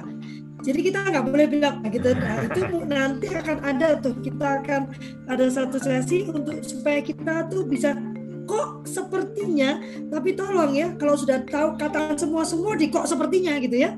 Nanti ada anak gerakan baca jadi sepertinya ini gitu ya dok ya. Tadi kan belum belum sudah ngomong kayaknya Iya. autis nih, kayaknya ADHD nih. Ah, ini pusing nanti kita ya. Ini ada pertanyaan dok. Selamat malam Pak Dokter. Apakah berpengaruh orang tua yang sangat overprotective, udah sangat overprotective pula ini udah kacau nih terhadap perkembangan motorik kasar anak? Karena saya punya anak yang tidak pernah mau mencoba kegiatan memanjat dengan alasan takut dan ternyata ayahnya tidak mengizinkan anak itu manjat-manjat. Padahal kami pasti jagain ketika anak itu memanjat. Gimana dok? Ya, balik lagi nih ke vestibuler ya kan. Karena anak yang nggak matang vestibuler nggak tahu bahaya. Ya kan? Kalau anak bagus vestibulernya, dia ngelihat itu, wah itu berbahaya ke situ, dia tahu. Biarpun anak kecil tuh naik gitu, nanti merasa terganggu vestibulernya, ya kan? Karena vestibulernya udah matang, dia turun lagi. Tapi anak yang gangguan vestibuler nggak mau tahu, naik tangannya pegangannya kuat, nggak jatuh juga di atas ya. Tapi kalau nggak ada yang nolong lama-lama kan capek jatuh itu. Ya, jadi inilah yang saya takutkan eh, pada orang tua kurang perhatian terhadap vestibuler, diremehkan ya vestibuler. Makanya saya dikenal orang-orang itu wah ini bapak yang jago vestibuler ya kan karena penting tuh vestibuler ya Bulofle aja itu katanya sering jatuh-jatuh berarti vestibuler Iya, iya. Saya juga baru tahu dok, beneran itu. Saya saya baru tahu. Jadi eh, jadi gini para bapak ibu ya, jangan lihat diri kita sendiri kan biasa gitu. Ini anak belum bisa jalan, oh nggak apa-apa. Saya dulu juga baru tiga tahun, bisa nggak bisa begitu ya itu. iya Eh, Kalau zaman dulu nggak ada outletnya, kalau zaman Iya, sekarang iya. banyak yang bisa kita lakukan untuk anak gitu ya. Jadi Iya. jangan nggak apa-apa, dulu juga Ah, ah. papamu baru umur sekian gitu kan. Saya sampai hari ini tuh jatuh-jatuh dong. jadi jadi overproteksi itu nggak boleh sebetulnya jangan Iya. ya harus dicoba try and error itu harus dicoba oke Ibu Yeti di YouTube ya, bagaimana caranya menyelesa- menyelesaikan vestibular? Dengan cara apa? Ya, itu nanti memang harus datang ke dokter bagus karena itu ada ilmunya sendiri Ibu gitu kita tapi Iya. eh, dokter bagus sebetulnya sudah melakukan banyak pelatihan juga supaya guru bisa eh, menjalankan itu sendiri ya dok ya iya Nah, rata-rata guru yang inklusi yang ikut ini. ikut Iya. saya itu udah tahu. Ya oh Nah, berarti Kalau ada mungkin ya anak-anak yang nanti susah berkonsentrasi dia bawa Hmm, konsentrasi. Dia bawa? Ke ruang eh, apa PVT ke ruang PVT dia PVT nanti setelah itu baru dia sendiri yang melakukan PVT. dibawa ke kelas lagi baru bisa konsentrasi Nah, ini eh, ini tetangga saya ya dokter, anak usia tiga tahun, tapi sering sekali bohong sama orang tuanya. Kasihan pengasuhannya, Eh, eh, dia sering dilaporin yang enggak enggak ke bapaknya, jadi suster ini enggak betah. Eh, apakah kemampuan berbahasa itu itu sudah bisa berkata bohong? Misalkan dicubit atau dipukul sama susternya, padahal aslinya tidak. Eh, gimana dok? Menarik nih. Ah, ini ya kan anak itu sebetulnya lagi berproses ya berproses Hmm, untuk sesuatu yang baik sebetulnya hmm. Betul. ya kan semua anak yang masih kertas putih itu ingin diisi hal-hal yang baik tidak ada anak-anak itu mau mukul temennya itu nggak ada. Kecuali kalau ada masalah ada handicap ya. Ada gangguan vestibuler misalnya ve- vestibulernya yang eh, utriculus ya yang terganggu itu jadi hiperaktif ya. Mukul temennya destruktif ya. Nah, tapi kalau ditanya dia nggak salah. Nggak merasa itu salah gitu. Ya kan?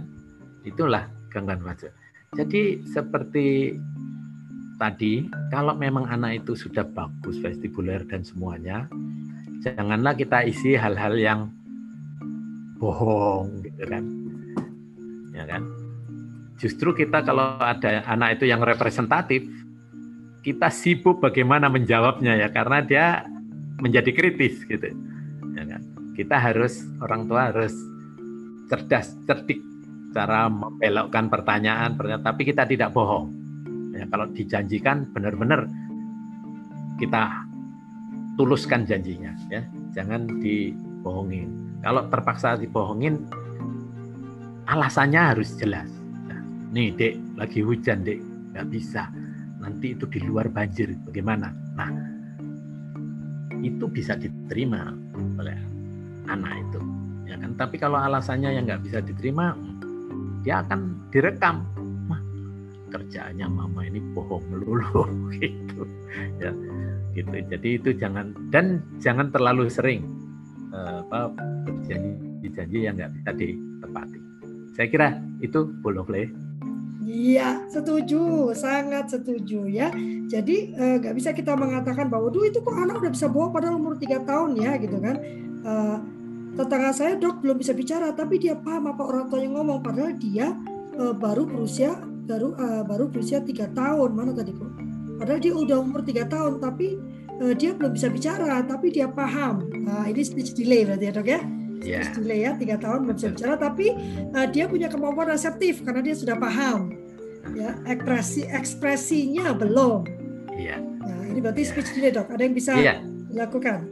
Ya, jadi anak-anak yang seperti ini, ya kan, itu sebetulnya tadi yang saya katakan koordinasi di batang otaknya tidak selesai, ya kan. Tapi fungsi luhurnya sudah bagus, gitu. Sehingga eksekutornya ini tidak bisa mengejawantahkan fungsi luhur, ya kan. Jadi nggak keluar. Nah ini harus ke terapi wicara banyak teman-teman saya di terapi wicara itu yang sudah ngerti PVT ya dia akan lakukan tuh ada gangguan nggak di batang otak dia yang ngerti TW yang ngerti ya terapi wicara yang ngerti dia pasti ngelihat gangguan batang otaknya. Kalau batang otak itu ganggu berarti harus diselesaikan dulu gangguannya. Tidak langsung terapi wicara kata suku kata kata dan sebagainya belum belum sampai ke sana. Diselesaikan dulu. Nanti kalau itu tidak beres koordinasi di batang otaknya itu nggak bisa ditargetkan kapan selesainya gitu okay?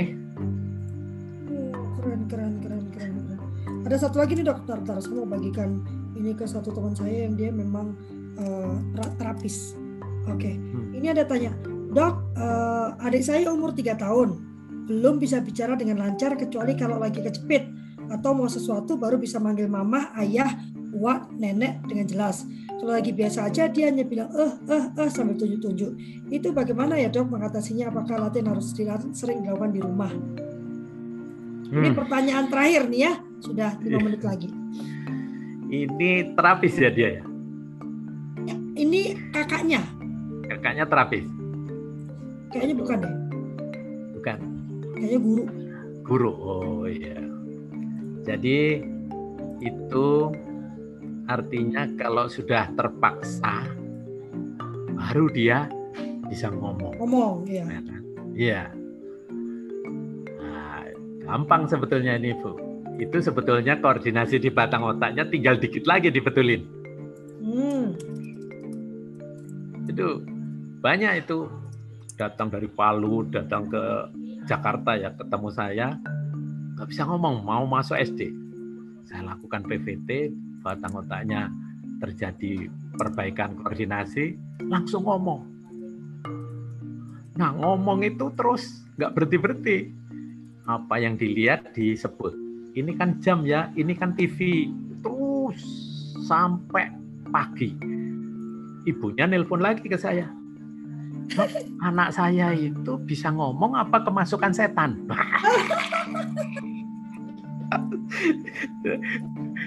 lucu ibu harusnya ibu kalau ada anaknya ngomong itu energinya itu ke arah yang ngomong ibu harus cari energi lain jadi ketika siang begini ibu jalan aja ke mall ke mana-mana ke pantai sampai capek nanti dia akan tidur ya kan gitu gitu aja kok repot. Apa mau dibikin bisu lagi? Saya bilang gitu.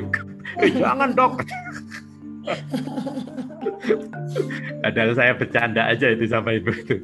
Dibisikin bisu lagi ya nggak bisa lagi. Udah udah apa koordinasinya udah bagus gitu kan, ketemu gitu kan. Ya.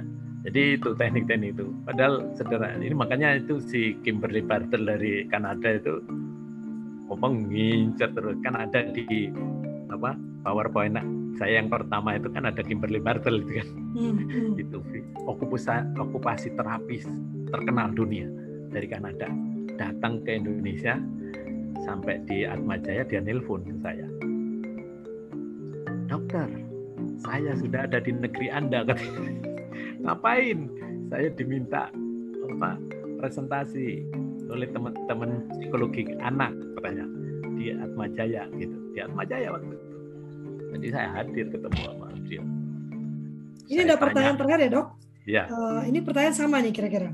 Bagaimana memberi stimulus pada anak-anak hiperaktif karena yang nggak mau kayak nggak ada capeknya gitu. Ini tergantung dengan satu lagi dok. Ada anak yang kalau makan tuh nggak mau duduk diam gitu. Dia nggak bisa duduk diam waktu makan. Dan akhirnya sama orang tuanya dikasih video supaya dia mau diam atau ini kan. Aduh ya kan. Silakan dok. udah jatuh ketimpa tangga itu ya Iya iya. dikasih bener. video kan ketimpa tangga itu Iya beneran. Hmm. Jadi itu jelas tuh gangguan vestibular. Dilakukan PVT. Nah, saya ingat saya bertanya kepada Kimberly Bartel ya, ada kaitannya dengan pertanyaan ini. Itu anak hiperaktif karena kebanyakan makan kasein katanya. Terus kemudian didiet, didietkan. Dia jawab apa? That is bullshit. Saya ketawa. I agree with you. Saya per- saya setuju dengan kamu. Karena apa? Saya punya anak yang nggak bisa diem. Lakukan PVT, saya ajarin orang tuanya PVT. Kasih coklat, dilarang makan coklat katanya. Kasih coklat, PVT, lakukan PVT. Sekarang dia makan coklat juga nggak loncat-loncat ke mana-mana, tenang. Buka pintu, nggak langsung lari, lihat kiri kanan ada mobil apa enggak, baru dia. Artinya vestibulernya udah bagus ya kan? Sederhana kan sebetulnya. Itu. Akhirnya orang itu wah tuh terima kasih dok. Caranya cuman begitu aja ya. Makanya jangan dikasih gadget jangan dikasih itu saya bilang. Ya kan? Lakukan itu. Kasih makan. Jadi itu didietkan sampai anak itu kurus. Ya kan? Kurus. Akhirnya sekarang gemuk dan santun ya kan karena vestibulernya udah bagus tapi Hmm. motorik kasar dan motorik dan seterusnya itu masih telat ya karena ketemu sayanya udah empat tahun ya kan jadi Menarik. dia lakukan terus Menarik. oke saya kira Ya, Itu ini jawabannya. sudah- silakan eh, eh, apa eh, pesan penutup sebelum saya tutup acara ini karena sudah jam setengah sembilan. Silakan dok. ya saya akan simpulkan bahwa motorik kasar tanpa vestibuler tidak bisa. Ingat itu ya itu prinsipnya vestibuler harus bagus dulu baru kita ngomong motorik kasar. Ya itu di mana-mana tidak bisa kita lakukan. Jadi untuk mengetahui itu harus pakai instrumen instrumen 8 keterampilan kognisi tadi 8 itu sudah saya bikin yang sederhana yang bisa dilakukan oleh para guru atau orang tua. Sering kalau konsultasi ke rumah instrumennya saya kasih. Dia lakukan di rumah. Kalau ada masalah baru datang lagi. Jadi tidak selalu harus datang berkali-kali ke saya. Dia bayar 300 kali dia lakukan. Kalau ada masalah baru datang. Akhirnya cuma ketemu tiga kali selesai anaknya that is simple kan ya kan Jadi Saya nanti kalau kita mau mau pelajari itu apa yang harus dilakukan dok? Yang tadi yang yang yang apa? Delapan. mengamati tadi ya, delapan tadi. itu kan sudah ada pertanyaan-pertanyaan di dalamnya itu Hmm. ya kan Dan dia apa- terapkan Bagaimana cara kami bisa dapatkan itu dok? ya nanti kita harus ada pertemuan Ah, sekali lagi kali ya Oke oke. Ya kan? Tangkap. makanya Tangkap. saya Setuju, ya. setuju. Iya Jadi- tangkap kan gitu. Iya. makanya saya Banyak. saya ingin ada pusat penyelarasan kognisi Ya, ngajarkan saya itu sedang, semua yang saya kerjakan dok, saya sedang kerjakan nanti. Ya. Moga-moga segera terwujud. Oke, terima kasih banyak dokter, terima kasih banyak teman-teman semua. Wow, pertanyaannya nih wow banget gitu ya. Eh, dokter ngasihnya sedikit lalu ditanya banyak. Saya pikir itu metode yang lebih menarik ya daripada kita nongkrong mendengarkan orang berbicara terus ya membosankan mungkin ya. Dengan begitu kita bisa benar-benar uh, menanyakan dan ber, uh, apa uh, ngecek pemahaman kita ya ngecek pemahaman kita. Karena nggak semua baru tahu sekarang mungkin pemahaman kita itu uh, benar atau tidak ya. Nah kita akan bertemu lagi. Tadi saya mau jelaskan. Jadi memang di acara ini kami menjanjikan sertifikat 32 jam. Ditandatangani oleh Kak Seto. Ke depannya nanti uh, sertifikat itu moga-moga ini nanti teman-teman waktu dapat sertifikat itu uh, logonya dua ya, bukan Seto dan Prodi PAUD UT. Uh, keren kan sertifikatnya? Tapi teman-teman baru bisa mendapatkan itu kalau mengikuti acara ini 8 kali. Ya, 8 kali saya baru keluarkan. Itu sebabnya teman-teman itu ada dua form yang saya bagikan. Yang sudah berkomitmen minggu lalu, maka tinggal mengisi form absen saja. Ini pertemuan kedua, ya. Sehingga nanti teman-teman mengisi nanti saya buatkan WhatsApp grup lagi. Besoknya eh, apa absen lagi ya. Supaya saya tahu siapa yang sudah hadir. Kalau enggak nanti pusing saya ya.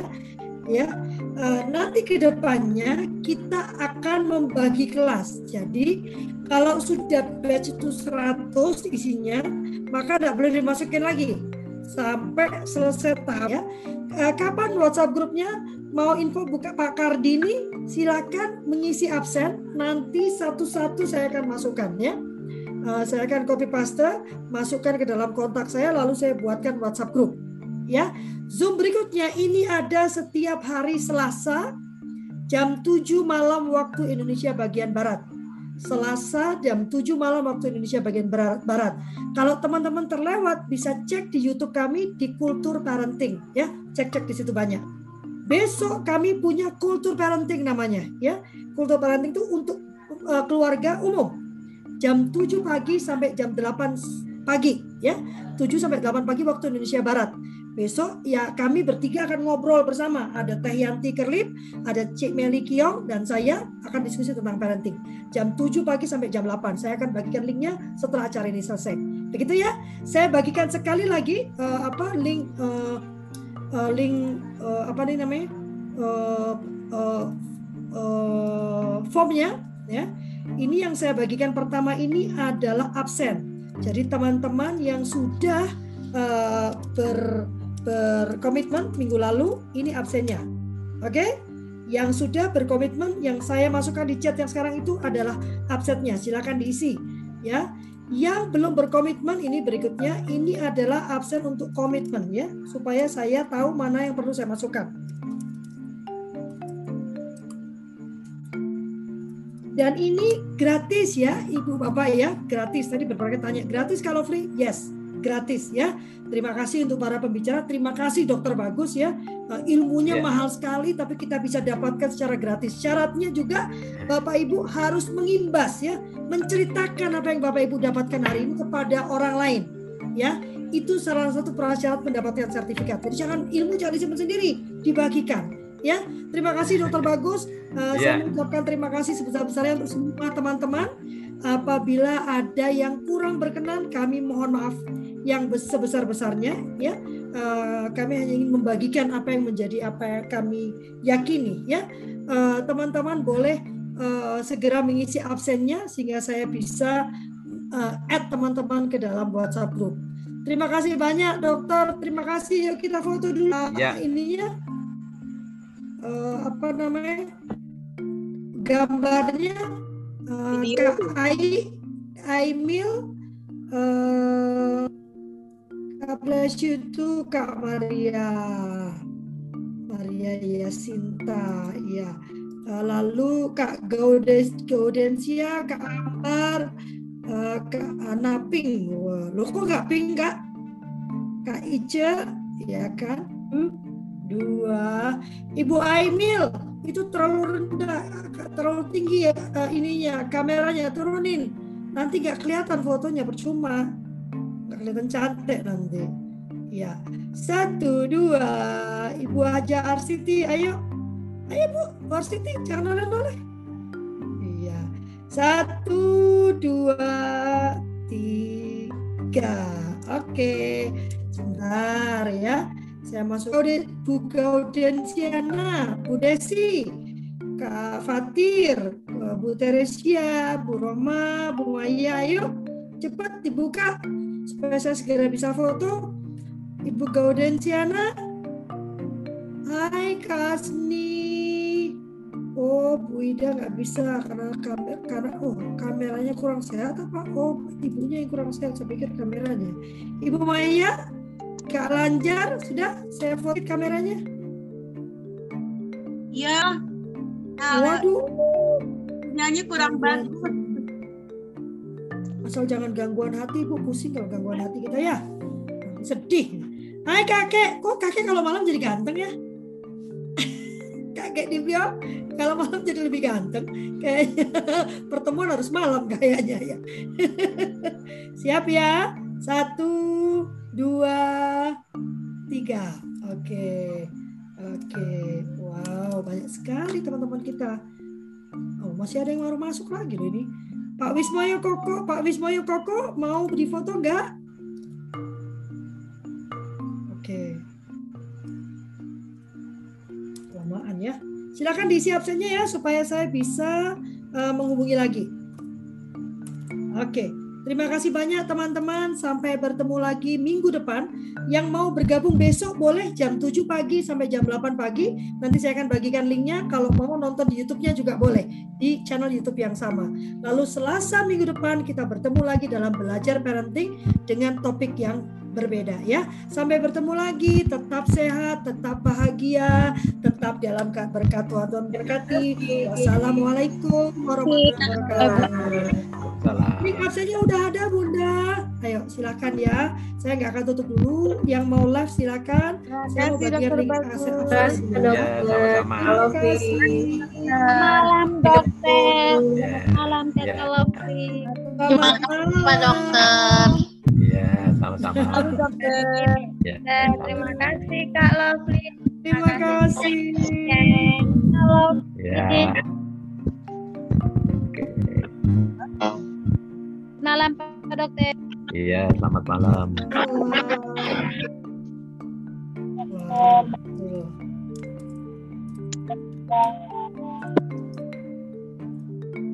luar biasa. Banyak banget ya. Hah? Banyak banget. Banyak dok, 100 ini yang kedua tetap 100, yang lalu kan 100 juga. Ini aja banyak nggak bisa masuk nih pada ngomel-ngomel nih. Saya pernah sampai 570. Oh, iya ini saya juga lagi berpikir kalau memang banyak terus begini, saya mau kerjasama aja eh, supaya bisa buka 500. Iya, dengan UT itu. Zoom saya cuma 100 kan. Ya. Iya. Terima Em, kasih, saya Dok. bisa bisa Terima dengan kasih, baik. Ya, sama-sama. Terima kasih Sama-sama. Ibu Sofia, terima kasih Kak Norlinda, terima Ya. kasih. Linda. Ya, silakan ya. Saya saya saya matikan ya. Terima kasih. Sampai bertemu lagi, dokter. Terima kasih ya. Sampai ketemu. Makasih, Kak Lovely, makasih. Besok pagi loh Pak Dibio, jangan absen loh. Pak Debio. Oleh happy Pak. Dokter, Iya, makasih. iya Pak Debio.